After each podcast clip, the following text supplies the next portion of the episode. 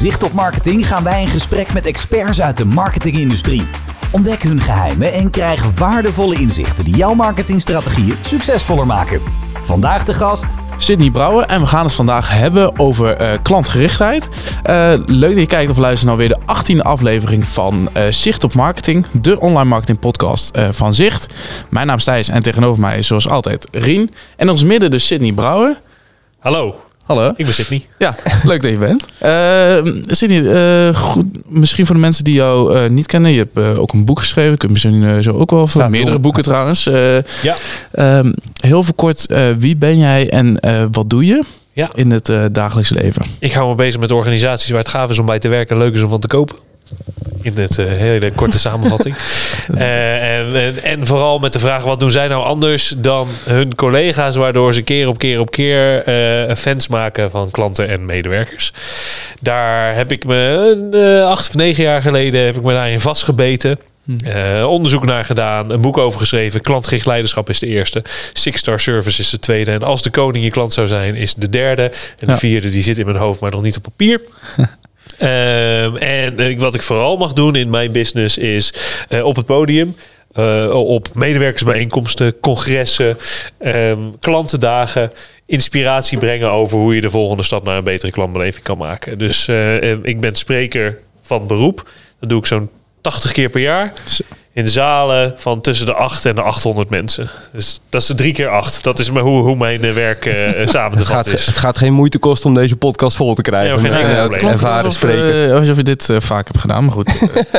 dat is helemaal goed. Heel gelikt inderdaad. Ja, ja, zoals, zoals wij ook heel gelikt gaan doen, is de stelling erin knallen. Zoals, ja. zoals Rien dat altijd doet. Ik mag weer een stelling verzinnen. En, nou, we hebben nu een klantgerichtheid en of klanttevredenheid expert in ons midden. Um, leek mij wel leuk om de stelling uh, erin te gooien. De gemiddelde marketeer is helemaal niet klantgericht. Ja, mooi. En, en wat doet de gemiddelde marketeer? Uh, marketing. Uh, marketing uitbesteden aan een bureau, zoals wij. Nee, ja, die is vooral bezig met campagnes, uitingen, et cetera. En in Om mijn, wat te doen? Gek genoeg de klant uiteindelijk bereiken. Uiteindelijk de klant te bereiken, inderdaad. Om zijn producten en diensten te ja, kopen. Ja, uiteindelijk. Ja, sorry, ja om hem klant te laten. En daarmee dus uiteindelijk productgericht in plaats van klantgericht. Kunnen we dat zo zeggen? Wij, de gemiddelde marketeer is aan het kijken waar kan ik mijn product kwijt in plaats van wie is de doelgroep die ik het liefst zo goed mogelijk wil helpen. Ja, het is vaak, weet je, je zegt ja. de, de probleem of de, het wordt vaak meer in het product is de oplossing. Misschien minder met het probleem bezig, maar in mijn ervaring en sowieso natuurlijk als je het woord oplossing gebruikt in hoe je je producten en diensten aanprijst, dan moet je nog een keer terug naar de tekentafel, want daar wordt natuurlijk echt niemand warm van. Nee, nee dat klopt. Ik, ik, nee, nee, nee, maar, is dit een subtiele podcast of moet nee, ik... Nee, nee, nee, nee, absoluut niet. Nee, Verstrekt been. Ja. maar ik, ik, de reden waar, uh, waarom die stelling zo... Ik, ik heb wel uh, in het verleden en ook nog wel steeds uh, met, met klanten merken was dat ze heel erg bezig zijn met het vakgebied, laten we zeggen. Met ja. creatief ja. willen zijn, met ja. innovatief willen zijn. En soms wel vergeten om gewoon eens een keer een klant te spreken. Ja. En tegelijkertijd, het is heel uh, tweezijdig. Want ik, zie, ik kom ook veel bij organisaties waar de marketeer of de marketingafdeling echt de trekker is van het customer experience gedachtegoed. Dat was vooral een paar jaar geleden zo. Uh, inmiddels is het customer experience vakgebied zelf volwassen geworden. En zie je dat er aparte afdelingen zijn in organisaties of aparte managers die het echt als, als functie hebben. Mm -hmm. Customer experience management en manager zijn. Uh, maar uh, vroeger werd dat wel echt getrokken vaak door de marketingafdeling. Um, en, en daarmee waren zij, denk ik, ook wel het boegbeeld van klantgericht denken. Want zij zeggen toch wel van ja, uh, uh, wij hebben een klantgroep. Hoe gaan we die zo goed mogelijk helpen? Hoe, uh, en hoe gaan we ze zo enthousiast mogelijk maken? Dat is door onze beleving en onze producten en diensten ja. te verbeteren.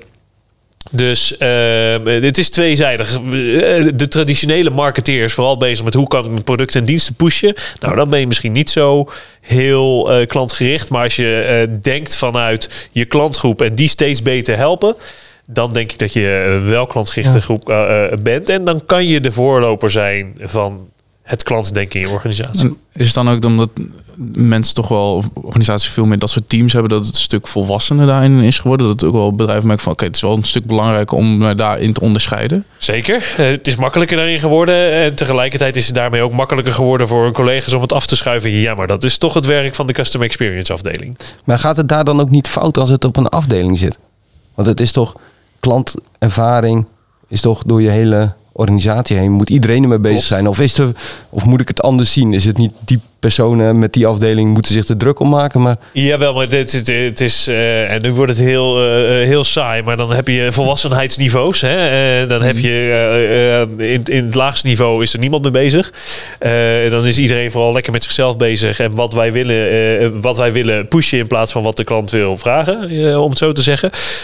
Tweede niveau is vaak dat er iemand opstaat die zegt: Ja, maar ik vind dit super belangrijk. En die als een soort eenzame roepen in de, eh, in de woestijn wel constant aan dat paard aan het trekken is. Eh, en wat je dan vaak merkt is dat diegene uiteindelijk na een paar jaar denkt, trekken, denkt: oh, Ik ben hier helemaal klaar mee. En naar een andere eh, afdeling of een organisatie gaat, dat het daarmee ook weer instort. Weer een stapje verder is dat het zich echt wel wat meer gaat borgen in bijvoorbeeld eh, eh, eh, in customer experience managers of een hele afdeling die het verder brengt. Eh, en misschien helemaal fijn als er een directeur is die dit ook support. En het hoogste niveau is dat iedereen het in de organisatie omarmt. En dan heb ik het over de klantgerichte cultuur. ja, Maar dat is nog niet een, een, een niveau waar heel veel organisaties zijn. Wie er wel is, eh, en, en eh, is Martijn. Hebben jullie natuurlijk te gast gehad in Ja. de aflevering, Thijs? Ja, poeh, 12 denk ik. Hier, ik bedoel maar, aflevering 12. Het is Een wild vreemde gok. Ja, het zou mooi zijn als we... Klopt. En, en ook daar eh, is het wel weer, eh, zelfs daar is het eh, spannend als Martijn weg zou gaan. Ik denk, ik ga met pensioen.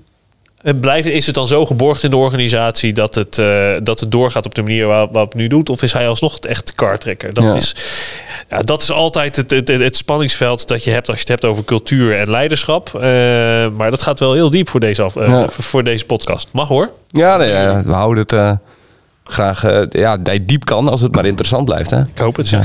Eh, eh, en wat is... kijk, je hebt klantgerichtheid en klanttevredenheid. Dat En klantvriendelijkheid en eh, Ja, klantbeleving en al die verschillende Ja. termen. Ja, want ook, ook, op, eh, ook op jouw website staat expert op het gebied van klantgerichtheid en klanttevredenheid. Ja, nee, Wat, wat is klantgerichtheid en zit een verschil klantbeleving. tussen. klantbeleving? Ja. Oké, dan heb ik misschien niet goed Ja. gelezen. Wat is, wat, is, eh, wat is een beetje het verschil? Hoe, hoe, hoe moeten we dat duiden? Of moeten we gewoon zeggen, van, ja, het gaat uiteindelijk allemaal om tevreden klanten? Eh, nee, er zit wel in, in, in mijn vocabulaire zit daar wel een groot verschil tussen. Eh, uiteindelijk heb je klantbeleving is dat wat de klant ervaart als hij zaken doet met jou als organisatie, met, eh, met zicht. Hè, wat ervaart de klant dan? Hoe voelt hij zich bejegend? Eh, is hij tevreden over de producten en diensten? Is het fijn samenwerken? Dat soort dingen. Is wat de klant ervaart als hij zaken doet met je. Klantgerichtheid is hoe je dat intern met elkaar organiseert. Dus klantbeleving is buiten, klantgerichtheid is binnen. En ik zeg dan ook altijd, als je buiten wil winnen, zou je binnen moeten beginnen. Dus je hebt, eh, eh, als je je klantbeleving uiteindelijk wil gaan verbeteren, dan zijn we nu met z'n allen bezig met customer journeys in kaart brengen, met mooie persona's maken, met eh, NPS-onderzoek doen, klanttevredenheidsonderzoek doen.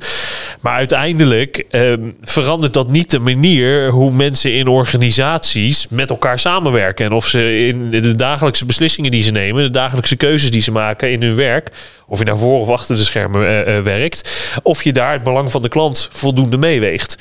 En ehm, ik zeg altijd, ja, als we echt de volgende stap naar een betere klantbeleving willen maken, dan moeten we aan de gang met die interne kant, met die klantgerichte kant. Dan moet je een klantgerichtere versie van je eigen organisatie gaan bouwen. En daarmee ga je de klantbeleving ook verbeteren. Ja, ja. Ja, en dat is vanuit binnen. ja. Ja, Ja, En hoe begin je, want dat vind ik wel interessant, want eh, hoe, hoe, hoe begint zoiets dan? Begint dat inderdaad bij een persoon die zegt, hier moeten we met z'n allen over nadenken? Of we moeten een training gaan volgen? Of, of een leider of iets, die, of een directeur, wat je net ook al zei. Dat is het mooiste natuurlijk als vanaf bovenaf helemaal... eh, En daarom heb ik, het, eh, heb ik dat boek als eerste geschreven, Klantgericht Leiderschap. En nu hoor je wel iets meer, want dat er gelukkig steeds meer mensen bezig zijn met klantgerichte cultuur. Maar klantgericht leiderschap kwam in, eh, kwam zes jaar geleden uit, vijf jaar geleden. En de ondertitel is acht principes voor een klantgerichte cultuur. En ik zag iedereen het hebben over customer experience en over klantreizen en, en over al dat soort dingen. Maar dat waren in mijn ogen ook allemaal instrumentjes. Allemaal toeltjes die Ja. eh, je kunnen helpen, maar niet echt het verschil gaan maken. En ik geloof erin dat als er een, een, een, leider, liefst iemand in de directie opstaat, die zegt: Ja, maar ik ben voorvechter voor die klant. En ik wil eh, eh, dat wij echt elke dag stappen gaan maken en vandaag onze klant beter gaan bedienen dan dat we gisteren deden. En ik ga het paard trekken, dat het daarmee begint. Eh, en natuurlijk kan je als marketeer kan je, eh, dingen doen die het verschil maken. Je, eh, je kan klantonderzoek doen. Ehm, je kan kwantitatief of kwalitatief met klanten gaan praten. Maar uiteindelijk wil je constant met elkaar elke dag hiermee aan de gang gaan. Dan moet uiteindelijk dat gedragen worden door één iemand of door de hele directie. Ja, ik snap wat je bedoelt. En is dan als marketeer heb je dan best wel invloed op zaken. Heb je dan met name over communicatie naar buiten ook in je marketing of ook over de website zelf bijvoorbeeld?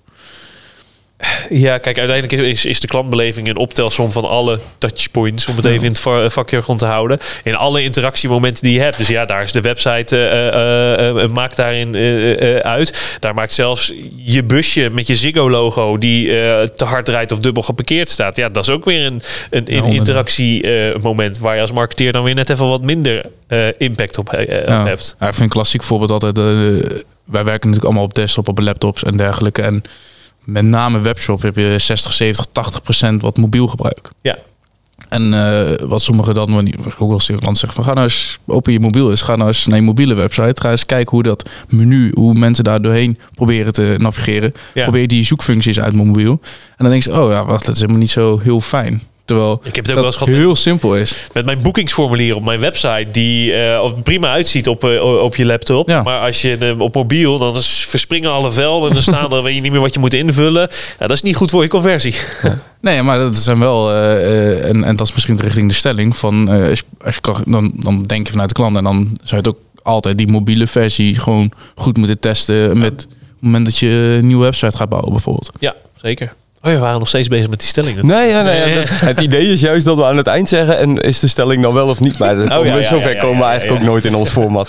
Dus het, eh, het loopt altijd, het gesprek loopt altijd een, eh, een kant op en dan eh, laten, we dat, eh, laten we dat ook zo gaan. Ja, dat is hey, prima. En als we klantgericht bezig zijn met deze podcast, wie zijn de mensen die luisteren? Zijn dat marketeers vooral? Dat zijn marketeers, dat zijn eh, in sommige gevallen ook gewoon ondernemers zelf. Ja. Ehm, dat kunnen ook, eh, ja, nou, ja, ik denk dat dat de twee belangrijkste groepen zijn. En hebben we dan nu eh, waardevolle eh, antwoorden gegeven voor die groep? Of moeten we nog... eh, Nou, we moeten ze denk ik nog wat meer tips gaan geven hoe ze kunnen ja, starten. Ja, nou, laten we dat vooral eh, zo eh, er eens even in gaan duiken. Ja, nee, ik, eh, ik, eh, ja, uiteindelijk is het hele idee van eh, onze podcast is dat we onze achterman eigenlijk een beetje inspireren met, Ja. oké, wat, eh, wat kan ik nog meer doen dan alleen maar een goed bureau inschakelen? Ja. Eh, en ehm, ja, ik, ik vind zelf het woord klant, eh, klanttevredenheid en zo, het is ook een soort van hygiëne eh, eh, factor of zo. Hoe zeg je dat? Ja. Er is bijvoorbeeld geen website waarop staat we zijn niet gericht, we zijn Ah. niet klantgericht en zo. Snap je? Dus Ja. hoe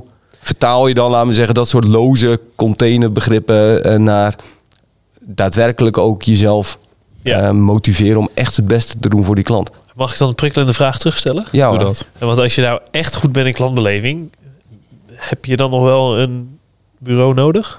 Nou, eh, dat, ja, jazeker. Ja, ja, ja, Is ja, is, ja. Ik hoop dat er heel veel... Nee, nee dat, eh, ehm, wij hebben hier als soort van mantra... eh, wat zou ik doen als ik bij de klant zou werken? Ja. Ja. Hè, dus eh, als dat betekent dat we het logisch vinden dat we Google Ads inzetten... dan is dat dus... Hè, als ik bij die klant zou werken, zou ik het ook doen. Ja. En in sommige gevallen eh, eh, zijn klanten uiteraard ook op zoek om hun eigen team aan te, aan te vullen zodat ze eh, op termijn afscheid van ons kunnen nemen. En ik denk juist dat dat ook het ons eindspel is eigenlijk. Is En wat ik eigenlijk bedoel, eh, eh, als je zo goed bent in, in, in, klantgerichtheid en klantbeleving, dat je, mar, dat- je klanten je marketing voor jou gaan doen, heb je dan nog wel aan zelf een bureau nodig? Heb je dan ook Nou ja. Google Ads nodig? Of heb je dan überhaupt nog wel een marketing Ja, dat is een goeie. Dat is een goeie. Zelfs Martijn, laten we Martijn nog Nee, maar eens nee. gebruiken. Die wil helemaal niet met een marketingbureau Nee, werken. en Martijn die is zijn, zijn eh, werkgebied steeds meer aan het verkleinen, Ja. omdat hij eh, steeds meer klanten krijgt Ja. die, waar hij het echt niet makkelijk voor maakt om klant bij hen te Nee. worden.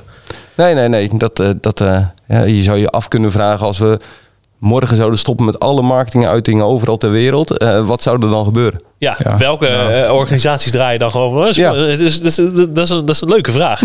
Ik weet de antwoord ook niet, Ja. maar Waarom komen je klanten dan nog naar jou? ja. Ja, omdat ze het horen van andere klanten of komen ze niet meer omdat ze nou net die Google advertentie gemist hebben? Ja, Interessante vraag. Ik denk dat vooral een hele hoop uh, koopjesjagers dan uh, het heel moeilijk uh, gaan hebben. Ik denk van ja, waar moet ik dan opeens heen? Ja, nou maar ja, je, en toch dat is iets, ja. dat je iets geprikkeld wordt. En dat is ook de vraag. Ik heb wel eens een, ik weet niet meer wie het was, maar die heb ik wel ook zo'n zo, zo, zo online marketing, iets die online marketing producten verkoopt, zeg maar. Mm -hmm. Niet een bureau als jullie, maar die verkoopt websites en, da en, ja. en dat soort dingen.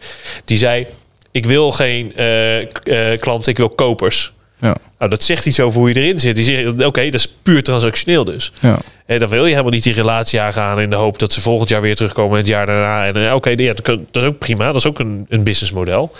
Uh, dat is niet mijn businessmodel, niet waar ik heel blij van word, maar dat kan ook. Ja. En ik zeg ook wel eens, je hoeft niet klantgericht te zijn om succesvol te worden. Kijk maar naar Ryanair. Het is, Ja. is uh, geen klantgericht bedrijf. Of de in mijn Primark of uh, de Action. Of, uh, dat, maar dat zijn altijd prijsvechters. Precies. Eh, dus die zijn super succesvol en niet klantgericht. Ehm, dus het is niet nodig, maar het helpt wel. Maar die zijn succesvol omdat ze wel een keuze maken uiteindelijk. Toch, ze maken wel een keuze van... Hey, dit is mijn doelgroep, dit is mijn manier hoe ik erin zit. Maar Ja. ergens is, ben je dan ook wel, iemand... eh, Volgens mij was uh, Ryanair als voorbeeld, eh, is, zei die eh, CEO, zei als wij staanplekken konden verkopen, dan, eh, dan zou ik dat vliegtuig nog 20 mensen extra kunnen vullen. En ik weet zeker dat die eerder uitverkopen dan de zitstoel, omdat die nog goedkoper zijn. Ja. Ja. Maar dan ergens vul je dan ook wel soort van de vraag die een klant heeft. Ja, en uh, ik vind ook, ik, ik denk dat een, een, groot deel van het succes van Ryanair te verklaren is omdat hun concurrenten nauwelijks iets beters tegen een veel duurdere prijs verkopen. Bij KLM in Europa zit je ook gewoon met je benen in je nek. En dan krijg je um, inmiddels, vroeger kreeg je dan nog wel iets te eten. Inmiddels krijg je een, een, een, een, een bammetje met een klein beetje uh, eiersalade ertussen. Maar dat, de, de, de, daar proef je ook gewoon aan dat er kosten op bespaard zijn. Ja, ja. Uh, dus ja, moet ik ook gaan betalen als ik mijn stoel wil kiezen? Moet ik ook gaan betalen als ik een extra tas wil meenemen? Ja, als ik dan nog 200 euro meer moet betalen met KLM te vliegen dan met Ryanair. Oké, okay, dan ga ik wel met Ryanair, want daar is het ook ellende, maar het is overal ellende. Ja. En, kan je ook uh, te klantgericht zijn? He, dus dat je, um, wat wij wel eens zien, is dat uh, uh, je moet je op een gegeven moment ook nee durven zeggen. Hè? Dus Ja. de, kijk, het boek heet als de koning klant zou zijn, maar vaak wordt er ge- de klant is koning, dus moet je dan altijd maar ja zeggen als een klant wat vraagt. Nee, zou ik zeker niet doen. Kijk, ehm, eh, ik denk dat je kan, door kan slaan in klantgerichtheid. Maar dan heet het niet meer klantgericht zijn, maar dan heet het klantgezwicht zijn. En klantgericht zijn, klantgerichtheid is een balans tussen wat de klant graag wil, maar ook wat goed is voor jou als organisatie. En die twee die moet je wel met elkaar balanceren. Om je een voorbeeld te geven. Nee, normaal gesproken zou ik nu een, eh, een soort kwadrantje tekenen op een flip over, maar dat, eh, dat kan Dat niet. Eh. Het zijn twee assen. Eh, aan de ene kant heb je eh, wat belangrijk is voor de klant, wat goed is voor de klant, en je hebt eh, wat, eh, wat eh, eh, goed is voor de organisatie. Pas als je die twee in balans hebt met elkaar, dus je doet iets goed, eh, wat goed is voor de klant en wat in elk geval niet schadelijk is voor de organisatie, dan ben je klantgericht.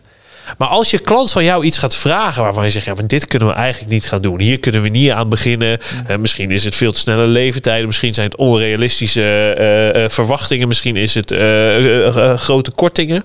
Ja. Waarvan je zegt, ja, maar als we dat gaan doen, dan, dan verdienen wij niks meer aan als organisatie. Of dan loopt de operatie in de soep of whatever. Ehm, eh, dan, en je gaat daar toch in mee, omdat je denkt, ja, de klant is koning. Dan ben je dus eigenlijk klantgezwicht. En daar, dat is niet fijn. Uiteindelijk in eerste instantie voor de klant wel, maar voor jou als organisatie niet meer. Andersom kan ook. Komen we weer bij Ryanair. Hè, eh, als je extra moet betalen voor, eh, eh, om naast je reisgezelschap te zitten. Als ik op vakantie wil met, met mijn vrouw en ik moet extra betalen omdat ik dan naast haar zit in het vliegtuig. Hoe voel je je dan als klant, Thijs? Nou, dan eh, ben ik heel blij. Nee. Het is pas echt Oké, vakantie. eh, ja. eh, vriend. Ja, ja, ja. ik ben ook heel blij. Nee, nee, nee. nee dat, Ik zou dat niet leuk vinden, eh, beste nee, kijker. nee, nee, nee. nee, nee, nou, Dan voel dat je niet, ja, ja, dat is wel kloten, ja. Ja, ja nou, dat ik denk ik, ja, ik heb al een ticket geboekt. Jullie zetten me expres uit elkaar, eh, zodat jullie er extra op kunnen eh, verdienen als ik naast mijn eh, partner wil zitten. Nou, dan voel je je genaaid als klant. Ik doe dat dan ook klant opgelicht. En dan heb je nog situaties die en niet goed zijn voor de organisatie en niet goed zijn voor de klant. Dan zou je eigenlijk zeggen, ja, die komen toch bijna niet voor. Ik me daar denk ik best wel wel voor. Die komen best wel veel voor. Ja. Dat zijn systemen die niet op elkaar aangesloten zijn. Dat zijn oude processen die ooit misschien logisch waren, maar nu vooral heel erg in de weg zitten. Het zijn geen fijne werkomgevingen voor je medewerkers. Ehm, dat zijn eh, situaties die en niet goed zijn voor de klant en niet goed zijn voor de medewerker. Ja, dat is voor niemand leuk en zo, zo noem ik dat kwadrant dan ook. En mijn stelling is, is dat je alles wat op lange termijn niet klantgericht is, wordt vanzelf voor niemand leuk. Want als je te lang in het klantgezwichten zit, dan ga je te veel korting weggeven. Dan ga je te veel beloven aan je klant wat je helemaal niet na kan komen. Of wat je niet bij iedereen na kan komen. Daar gaat de klant uiteindelijk ook last van hebben. Of je kan hem niet meer eh, bedienen omdat je failliet bent. Of je operatie loopt in de soep. Wordt vanzelf ook voor de klant niet meer leuk. Wordt voor niemand leuk. Zit je te lang in het eh, klant opgelichte stuk, waar je wel iets doet wat goed is voor de organisatie, maar niet meer goed is voor de klant. Ja, dan gaan ze slecht over je schrijven. Dan gaan ze negatieve verhalen over je eh, delen. Krijg je slechte reviews. Wordt vanzelf Ja. ook niet meer een leuke plek om voor te werken. En als het goed is, gaan op een gegeven moment jouw medewerkers dat ook niet meer leuk vinden. Ja, Tenminste, dat klopt. Ja. probeer je ook eh, te vinden in een. eh, eh, als ik even hier omheen kijk. Je zoekt ook mensen hier die, die willen echt iets bijdragen bij een klant. In plaats van Ja. leuk dat we een factuurtje kunnen sturen en dat, ik daar, dat we daar met z'n allen een centje aan verdienen. Maar Precies. Ja. Dus als je dit nou nog met het kwadrantje en het modelletje erbij wil zien, even op YouTube Sydney Brouwer, klant vierkant, eh, dan leg ik het uit. Dan zie je het in een, in een lezing van mij het stukje en dan kan je het nog een keer nakijken. Voor de kijker en de luisteraar. Moeten, we, moeten we dit in de show notes Zet hem zetten? ook maar in de show Ja, ja. notes, ja. Ik ben altijd benieuwd. Ik heb het al eens een keer eerder geroepen. Maar ik- of er ooit een hond in de show notes komt. Maar dat maakt. eh, ik heb geen maakt flauw voor idee, dit verhaal misschien niet, uit. maar Nee. Een, een, een- ik zag nog ook wel laatst een mooi voorbeeld over, over een online marketingbureau. Die, zei iemand van ja, eh, eh, als je onder de 100 euro nog zit qua uurtarief, eh, dan, dan ben je ook niet klantgericht. Want eh, dan komen kosten onder druk en dan kun je uiteindelijk, je kan beter een tientje meer vragen. En dan heb je uiteindelijk hou je meer over. Kun je nieuwe laptops bestellen, kun je een betere sfeer. En kun- de werknemerservaring gaat dan omhoog. En dan van, ja, ergens heeft hij wel, eh, heeft hij wel een punt. Het is wel vrij branche-specifiek, denk ik. Want als je bijvoorbeeld in de zorg als ZZP'er bent en je gaat boven de 100 euro vragen, dan kom je niet meer aan Nee, ja, nee, het was wel voor online marketing. Ja, ja, ja, ja, ja, precies. Ja.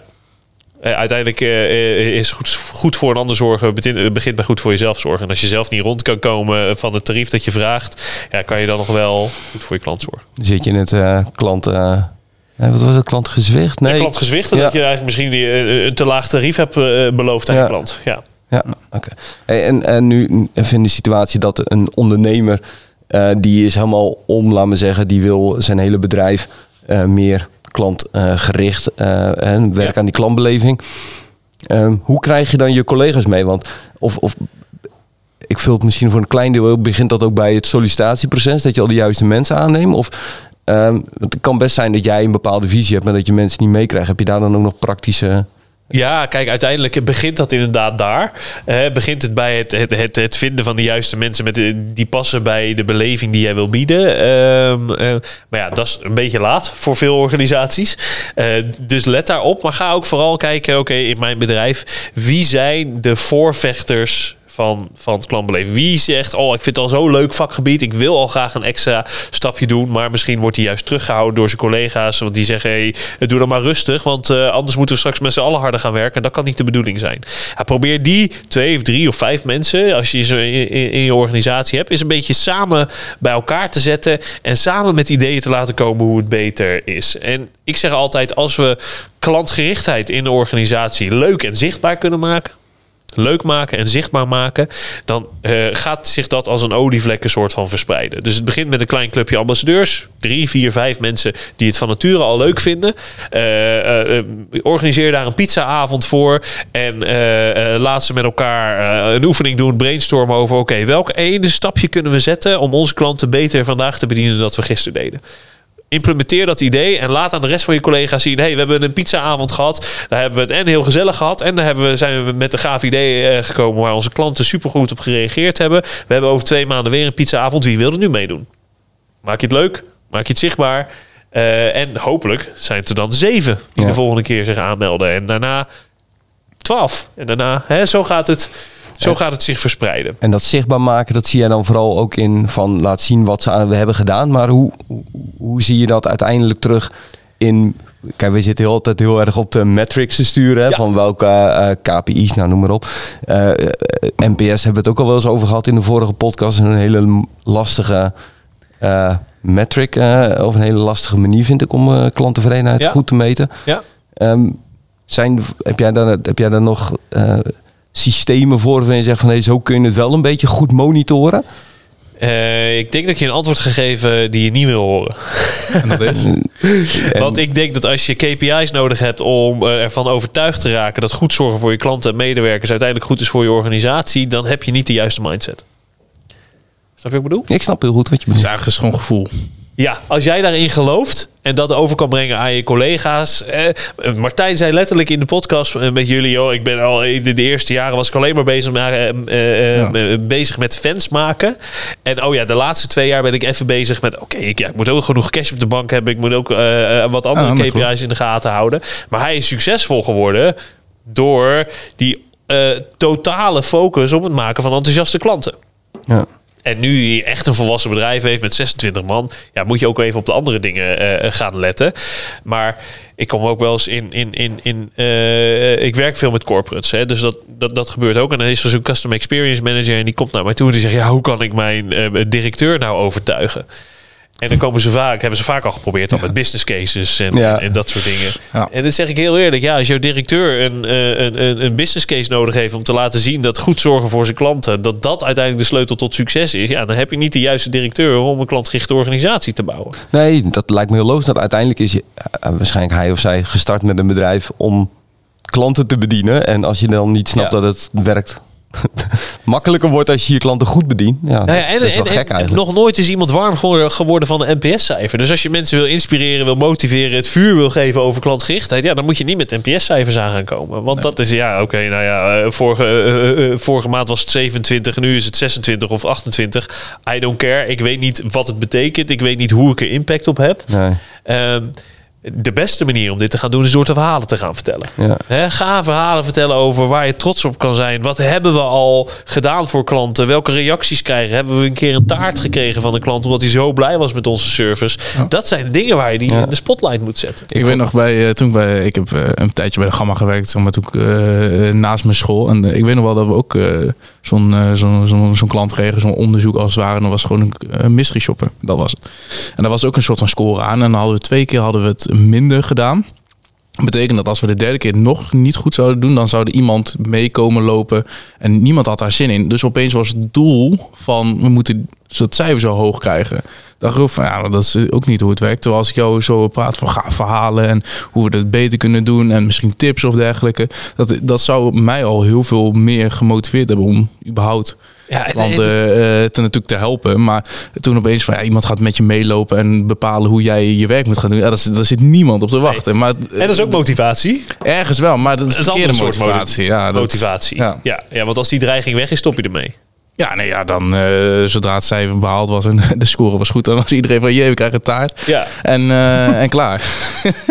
Eh, maar het hoeft ook niet moeilijk te zijn. En, en, ik weet dat er in elke organisatie al geweldige verhalen te vinden zijn over hoe je de extra stap hebt gezet voor de klant. Dat zijn leuke verhalen om te horen, dat zijn leuke verhalen om te vertellen. En het kan ook nog inspireren om het voor andere me- mensen inspirerend werken om ook dat extra stapje te zetten. En het kan al in hele kleine dingen zitten. Ik was met mijn vrouw op vakantie in eh, Tenerife en wij liepen daardoor een eh, klein dorpje. En het was 11 uur 's ochtends. En om 11 uur 's ochtends wil je als echte Nederlander twee dingen. Namelijk Geen idee. Eh, Koffietijs. Ja, nou, maar in Italië niet, maar- ja, koffie met een 11 uur? gebakje. Met een gebakje, precies. Ja? Dus wij gaan zitten. Op Hij begint aan het bier, zei je dat nou? Ja, Frikandellen, wat? Ja. ja, nou. Wij gaan Ergens in zitten. vijf in de klok, toch? Op Ja. Wij gaan zitten op het terrasje. En die ober eh, komt naar ons toe. En ik vraag, joh, heeft u voor ons twee kopjes koffie? Nee, heeft u daar iets lekkers bij? En hij zei, nee. Nee, sorry, dat heb ik niet. Ik zeg, oh, nou, jammer dan. Doe dan alleen maar twee kopjes koffie. En eh, hij gaat naar binnen. Een paar minuten later komt hij naar buiten. En zet hij voor ons neer twee kopjes koffie. Maar ook twee lege schoteltjes en twee vorkjes. Ik denk, oh, wat gebeurt hier nou? En hij zegt, ik heb helaas niks lekkers voor bij de koffie. Maar hier op de hoek zit een fantastisch banketbakketje. Kan je zelf een gebakje uitkiezen. Kan je hier opeten bij je kopje koffie. Ik heb het eh, servies alvast voor je meegenomen. En toen dacht ik, ja, en dit is een gaaf verhaal om te horen. Maar het laat ook zien hoe makkelijk het eigenlijk is om gewoon een, een extra stapje te doen om goede service te leveren, om klantgericht te zijn. Ja. Als we maar denken, wat kan er wel? In plaats van, wat kan er niet? Ja, een mooi voorbeeld inderdaad. Ja, want de meeste organisaties die hebben hun processen en hun producten en hun diensten ingericht voor de standaard klant. Maar als je, er is geen standaard klant. Als je iets standaard doet voor iedereen, is het tegelijkertijd past voor niemand. En dat is ook wel de uitdaging eh, eh, eh, van de hedendaagse organisaties. Hè. Hoe zorg je dat de basis op orde is, maar behoud je de flexibiliteit om toch op de individuele klantwens in te kunnen gaan. En dat is in de kern waar klantgerichtheid en klantbeleving over gaat. Dat is niet makkelijk, maar is wel waar, waar het om gaat. Nee, en dat is zeker in grotere organisaties lastiger, denk ik. Terwijl, omdat daar wat meer dingen ge, Ja. eh, gestroomlijnd moeten worden. Ja, klopt. Maar ja. Hey, en- oh, sorry. Nee, ja, en daar is ook altijd het, het, het codewoord. We zijn op weg naar scha- we, we- we zoeken naar schaalbare customer experiences. Ja, maar Ja. wat we nu doen is niet schaalbaar. Nee, maar als iets schaalbaar is, is het vaak ook wordt het al vrij snel vrij saai. Ja. Dus dat, eh, ja, dat is een beetje de. de, Ja, en, en kan iedereen het toepassen. kan iedereen toepassen. Ja, Ja, Dus dat is ook, eh, ook niet leuk. ja. Hey, en we hebben het nu allemaal over. eh, eh, in ons format zit ook dat ik je een keer een vraag moet stellen over. Zijn er dan dingen die jij wel eens bij een, een lezing of een workshop of bij een bedrijf hebt geadviseerd. waarvan je later dacht: oeh, dat is of eh, wel fout gegaan. of daar achteraf eh, spijt van dat ik dat toen zo geroepen Ja. heb? Ja, eh, ik geef geen advies. Dus dat, dat is het enige wat ik doe, is inspiratiesessies op het podium. Maar ik heb wel eens in een voorbespreking gehad met een klant waarvan ik dacht... Ik weet niet of dit een goede match is. Ik weet niet of eh, mijn stijl of mijn inhoud nou helemaal past bij wat deze klant graag wil. En dan eh, eh, was toch die klant, ja, we, willen toch een invulling van die dag. Dus heb ik ja gezegd. Ik dacht, nou, het is twee of drie jaar geleden. Dacht, rustige maand.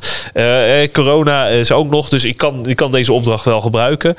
En dat ik tijdens de sessie al voel, dit, pre- dit, dit land niet helemaal. Eh, waar ik ook het idee had dat de klant het gevoel had, nou, dit is toch niet helemaal wat we wilden. En ik, als ik heel eerlijk ben, in de voorbereiding al wist, dit had ik eigenlijk niet moeten doen.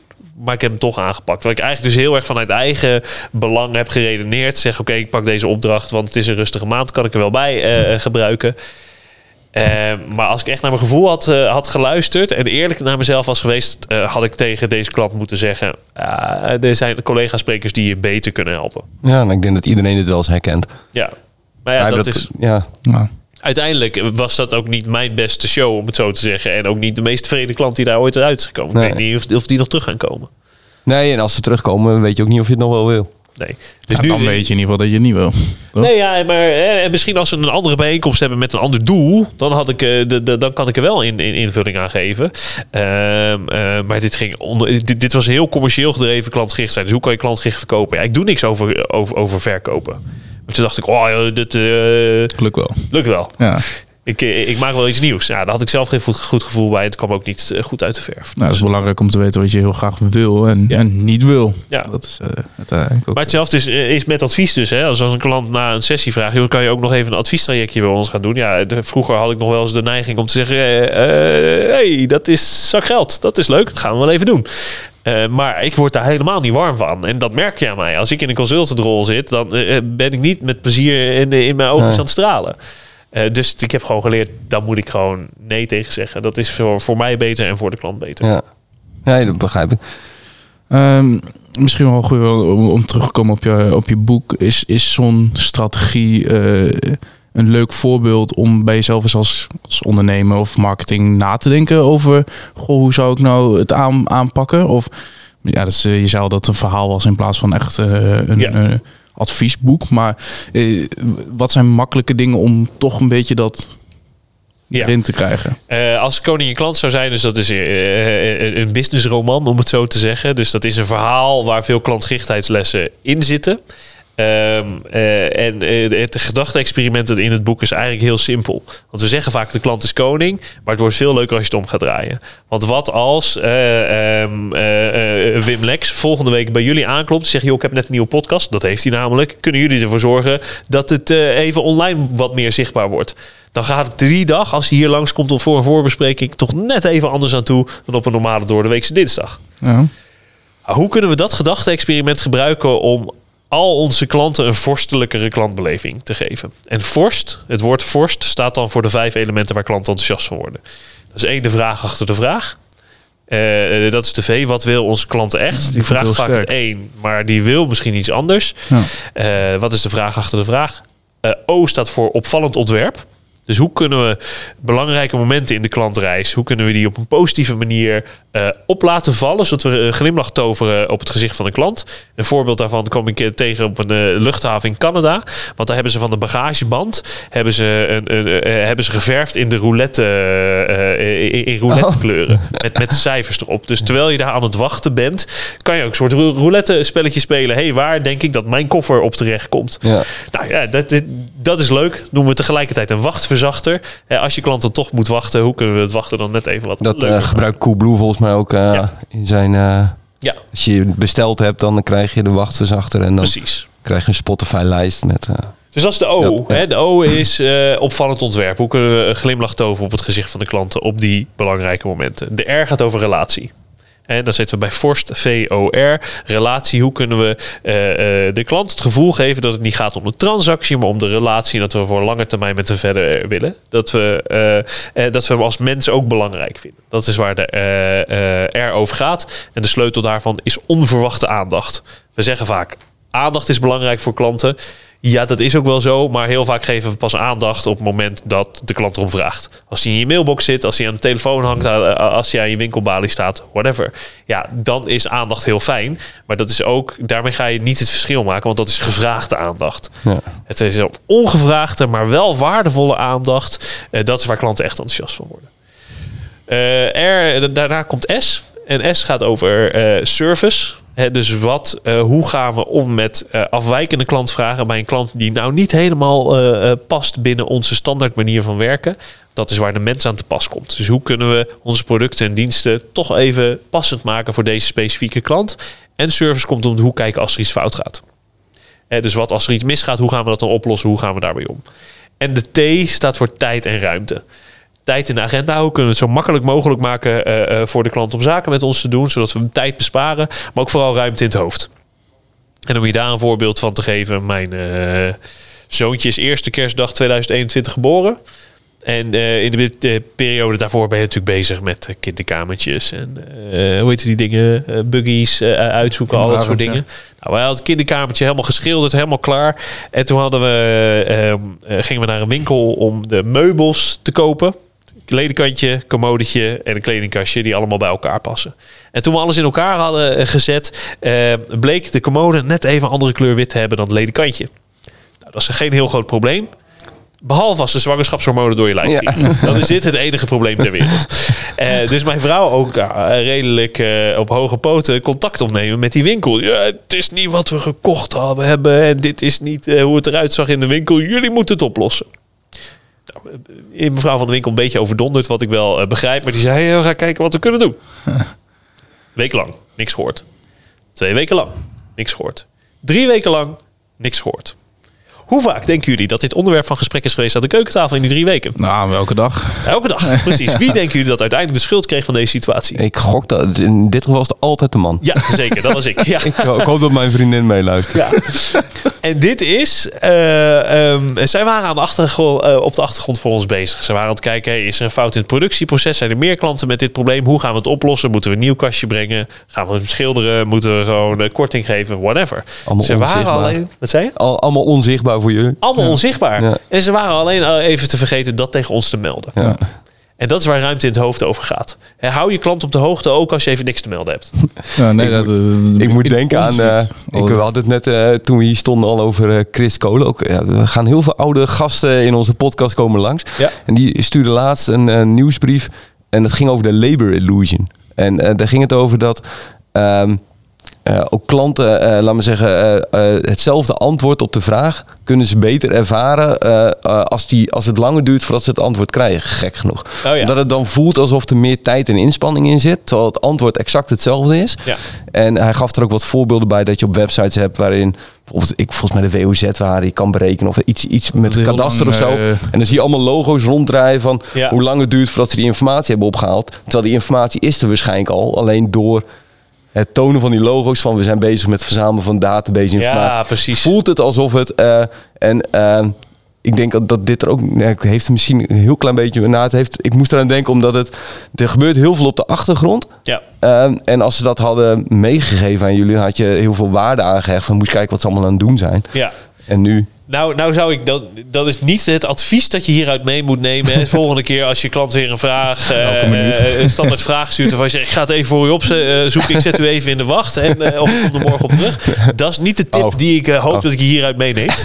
Eh, maar inderdaad, als, je, als het eh, wat langer duurt. Of als je eh, wat extra werk moet doen om een antwoord te krijgen. Vertel het dan ook even eh, tegen de klant. Want als, die tegen, als ze ons een mailtje hadden gestuurd die vrijdag van de eerste week. Zeg joh, ik weet, het duurt even wat langer tot ik antwoord voor je heb. Maar weet dat ik je niet vergeten ben. Ik ben er echt mee bezig. Ja. Kom de volgende week op terug. Dan was, hadden wij niet elke keer vervelende gesprekken elke avond gehad. En, en Ja, dat merken is- wij bij onze klanten ook wel. Ja. Als we dat doen. Gewoon een klein mailtje van. Of als, we als we het later moeten oppakken. Dan zeggen we gewoon van oké. Maar het gekke is dus bedankt, dat dit maar, heel eh, simpel is eigenlijk. Het is onverwachte aandacht. Ja, het- eh, maar- klantgerichtheid is ook geen rocket science. Nee. En dat zeg ik ook wel vaak eh, in het begin van mijn eh, eh, eh, inspiratiesessies. Dan zeg ik ja, het is geen rocket science. Dus het zou zomaar kunnen dat je vandaag dingen gaat horen die je eigenlijk wel wist. Maar ik weet zeker dat de kans nog groter is dat je vandaag dingen gaat horen die je nog niet doet. En klantgerichtheid gaat niet over weten in je hoofd. Het gaat over, eh, over doen elke dag met je collega's Ja. eh, voor je klanten. En dat is nog wel het verschil. Dus dan, dan om terug te komen een beetje op de stelling. Dan eh, eh, als, je, als je ermee bezig als marketeer. Dan begint vooral bij jezelf. En bij je team. En bij de rest van de organisatie. Ja, en, en, en, en eh, ha- haal eens op bij, bij je collega's in de frontlinie, om het zo te zeggen. Of op de klantenservice of in de verkoop. Ja. hey, wat zijn nou de dingen waar, je de, waar onze klanten het meest tegenaan lopen, waar je het meest hoort? En ga daar eens kijken hoe je het eh, eh, verschil kan maken. Maar doe het vooral samen. Probeer andere mensen te inspireren om ook eens, eens een volgende stap naar een betere klantbeleving te zetten. Want als je het constant in je eentje moet doen, dat wordt op een gegeven moment heel vermoeiend. Mooi. Ons format eh, eh, eindigt altijd met eh, een vraag. Heb jij nog een... tenminste, als jij nog prangende vragen hebt, Thijs, dan... ehm, eindigt altijd met... is er nog een gast waarvan jij denkt... hij of zij zou hier ook eens een keer moeten plaatsnemen? Die heeft een mooi verhaal. En je weet, laten we zeggen, onze invalshoek van de podcast. Misschien de koning. Misschien de koning. Koning, ja, dat lijkt Ja. me eh, leuk. Eh, Hij is druk, heb ik gehoord. Ehm, eh, ja, er zijn er eh, één spreker die ik heel leuk vind, is Kevin Weijers. Het gaat over experimenteren, klein beginnen en gewoon proberen. Dat vind ik een heel leuk, eh, heel leuke spreker. Ook op podium doet hij het fantastisch goed. Eh, als ik eh, sessies organiseer voor mijn klanten, dan eh, eh, vlieg ik hem ook vaak in om eh, een, een verhaal te komen vertellen. Dus eh, Kevin is, eh, is erg Ja. leuk. Nou, dan gaan we die eens eh, volgen en eens kijken of, eh, of dat eh, matcht. Super. Dankjewel. Dank Eh, jullie. dank voor, eh, voor vandaag. Eh, mochten mensen nog meer van je willen, dan eh, nou, verschillende boeken. eh, YouTube heb ik al voorbij horen komen. Podcast. Sydneybrouwer.nl. vind Podcast je ook- over klanten gesproken podcast. Podcast natuurlijk uiteraard ook. Ja. Eh, 100 afleveringen, dus er zit nog genoeg, eh, genoeg in. Ehm, bedankt voor het luisteren voor degenen die geluisterd hebben of gekeken. En dan eh, zie ik je weer bij de volgende aflevering van eh, Zicht op Marketing. Doei. Dit was Zicht op Marketing. Volg ons in je favoriete podcast-app en mis geen enkele aflevering. Check onze andere podcast op zicht.nl/podcast.